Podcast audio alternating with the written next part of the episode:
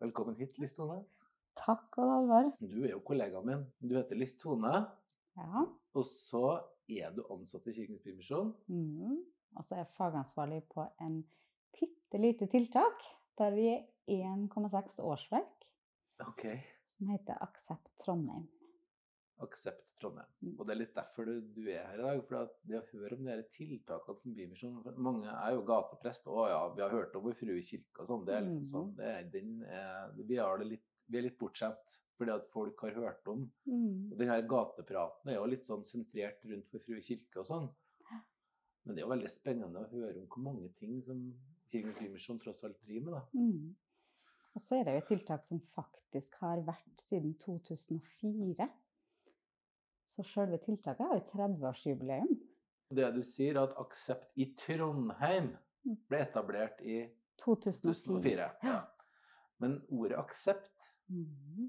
Har vært over 30 år, for det starta jo i eh, Oslo. nemlig. Der var første.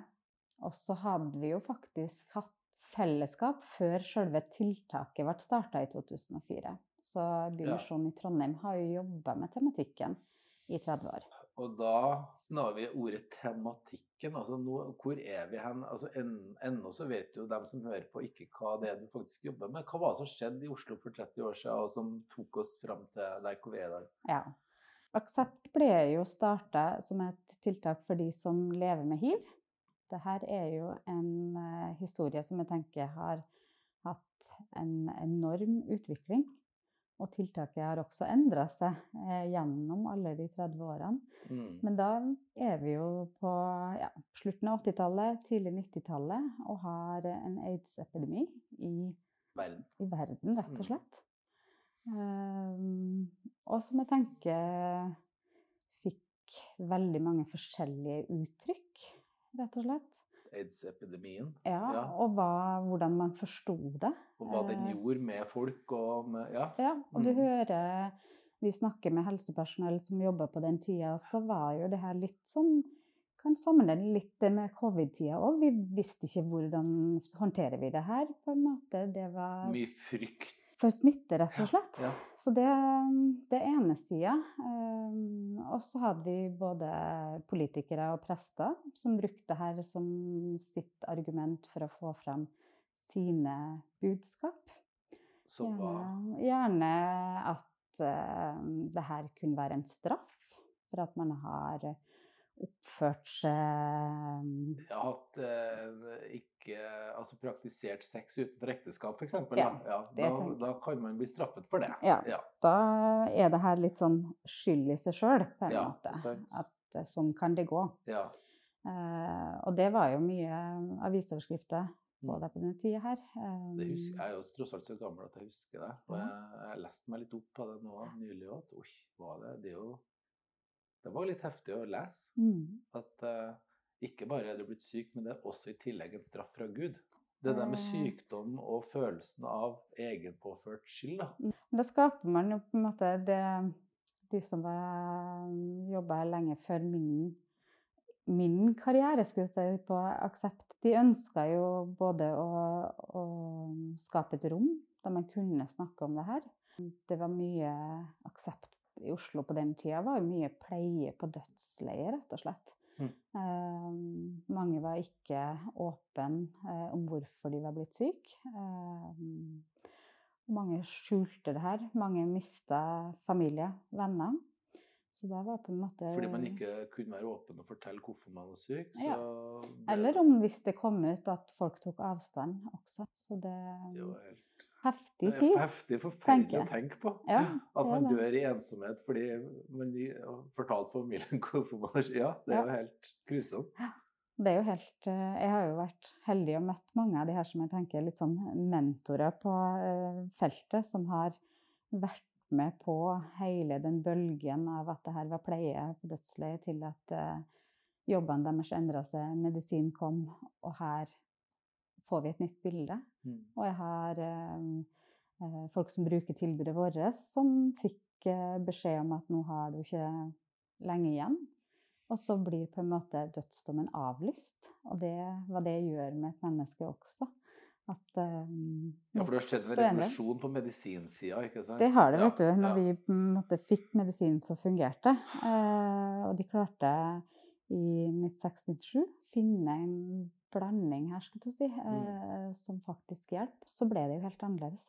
Og så er vi der vi er i dag. Det jeg tenker at vi har hatt en totalt medisinsk su suksesshistorie. Eh, og så kjenner vi likevel, vi som jobber i dette tiltaket, at men vi er ikke ferdig, på en måte. Vi har kanskje slutta å snakke om det, men vi ser fortsatt at eh, mange opplever det her som vanskelig. Eh, noen opplever ikke det er så vanskelig i det hele tatt. De forholder seg til å ha en kronisk sykdom, og det på en måte er lever fint med det. Mm. Det er kanskje det jeg syns er mest spennende, det å jobbe på Aksept, det er jo det at det er så veldig mange ulike folk. Uh, ulike livshistorier. Mm.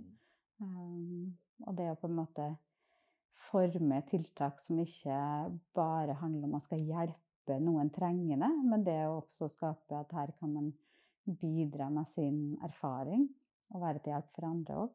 Men så ser vi at det er veldig mange som lever skjult med sin hiv-diagnose. Og det Og det, du nevnte det å skape et rom der det går an å snakke. Altså, jeg at det er jo et, det er et privat Det å få en sykdom er veldig privat, og i hvert fall sykdom knytta til seksualitet er jo bare enda mer privat. Så hvordan skaper man et godt rom? Det er jo et veldig viktig spørsmål, syns jeg. For at liksom at vi er jo Det er jo mange private ting som man med fordel Eller mange sånne personlige ting som vi med fordel må bli flinkere til å snakke om for å ha det bedre mm. sammen, tenker jeg generelt. da.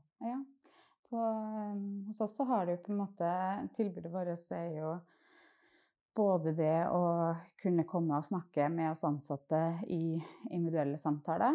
Eh, vi ser jo at ofte um, en sånn start på en sånn relasjon ikke alltid trenger å handle om der hiv er tematikken. Og det har vi litt sånn respekt for, at uh, noen opplever det her som en privat del av seg. Eh, Så vi kan snakke om alt fra mm, si, bolig til arbeid, skole. Uh, Det å bygge tillit og bli kjent med hverandre. Før vi på en måte går inn i det, denne tematikken. Nå er det på en måte samtalen våre brukerstyrt. Så det kan, for noen så kan det ta kjempelang tid før vi i det hele tatt ønsker å snakke om det. Og det har Mm. vi Mm. Og for noen så er det her ikke noe man trenger å snakke om. Det er liksom, her er bare en liten del av meg, på en måte. Eh, Ja. Så det Jeg har litt sånn et, Eller jeg tenker mange ganger at det, det Jeg sitter jo ikke med noe oppskrift for hvordan det er å leve med hiv. Eh, Det jeg sitter med, er jo at jeg har møtt veldig mange. Eh, Jeg tror jeg siden jeg starta i 2014-2015, så har vi møtt på 160 her i Trondheim. eh, Mm. Med alle sine unike historier. eh, Men også noen fellestrekk, og folk har delt hvordan de på en måte har løst ting som de har opplevd eh, utfordrende. Så det å på en måte kunne vise til eksempel eh, når det kommer en på noen og 20 som lurer på om jeg har svaret på når skal man fortelle om hiv-diagnosen når man Mm. er på date. Liksom, skal jeg fortelle Ja. første gang ut på puben, eller eh, Ja, skal jeg på en måte måte vente Nå begynner det å bli et seriøst parforhold, og så sitter du ikke med oppskrifta. Jeg kan bare være en samtalepartner. Vi kan drøfte hva er det som blir på en måte riktig løsning for den som sitter over med der og da. Så jeg ser mange starter jo ofte med det at de blir kjent med oss ansatte.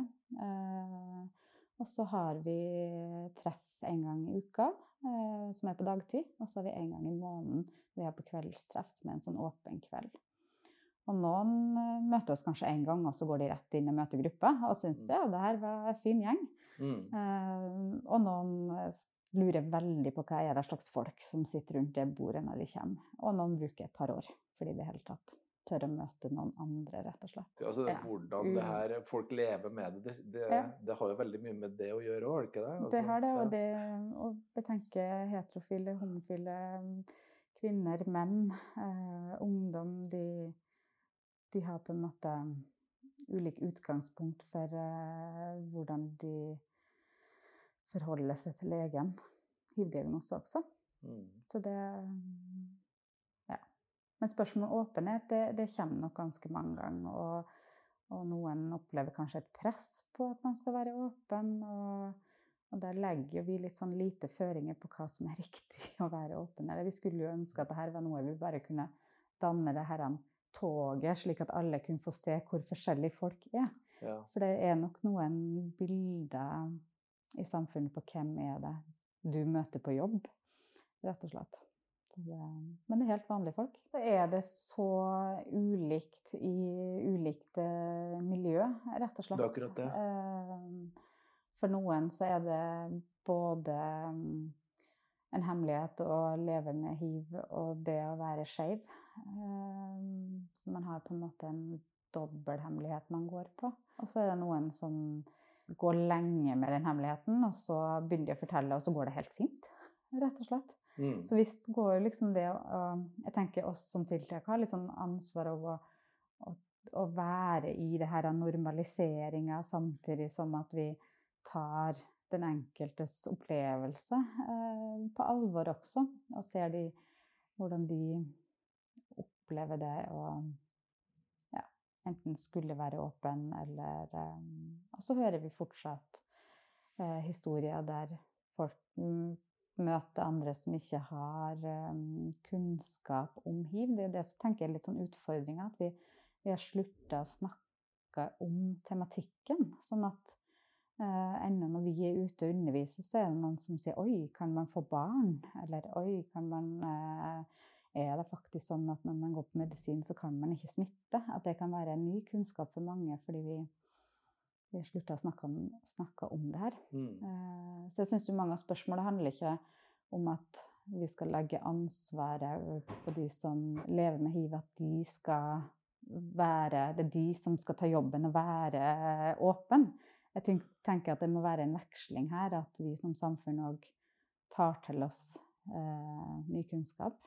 Vi har jo eh, 1.12. er jo for oss eh, en markering av verdens aids-dag. Eh, og det er jo et arrangement som eh, har vært kirka sitt i utgangspunktet. Og så et fellesprosjekt nå mellom Vår Frue og Aksept, der vi markerer verdens aids-dag. det er faktisk 30 år siden første gang Dag Åkre inviterte inn.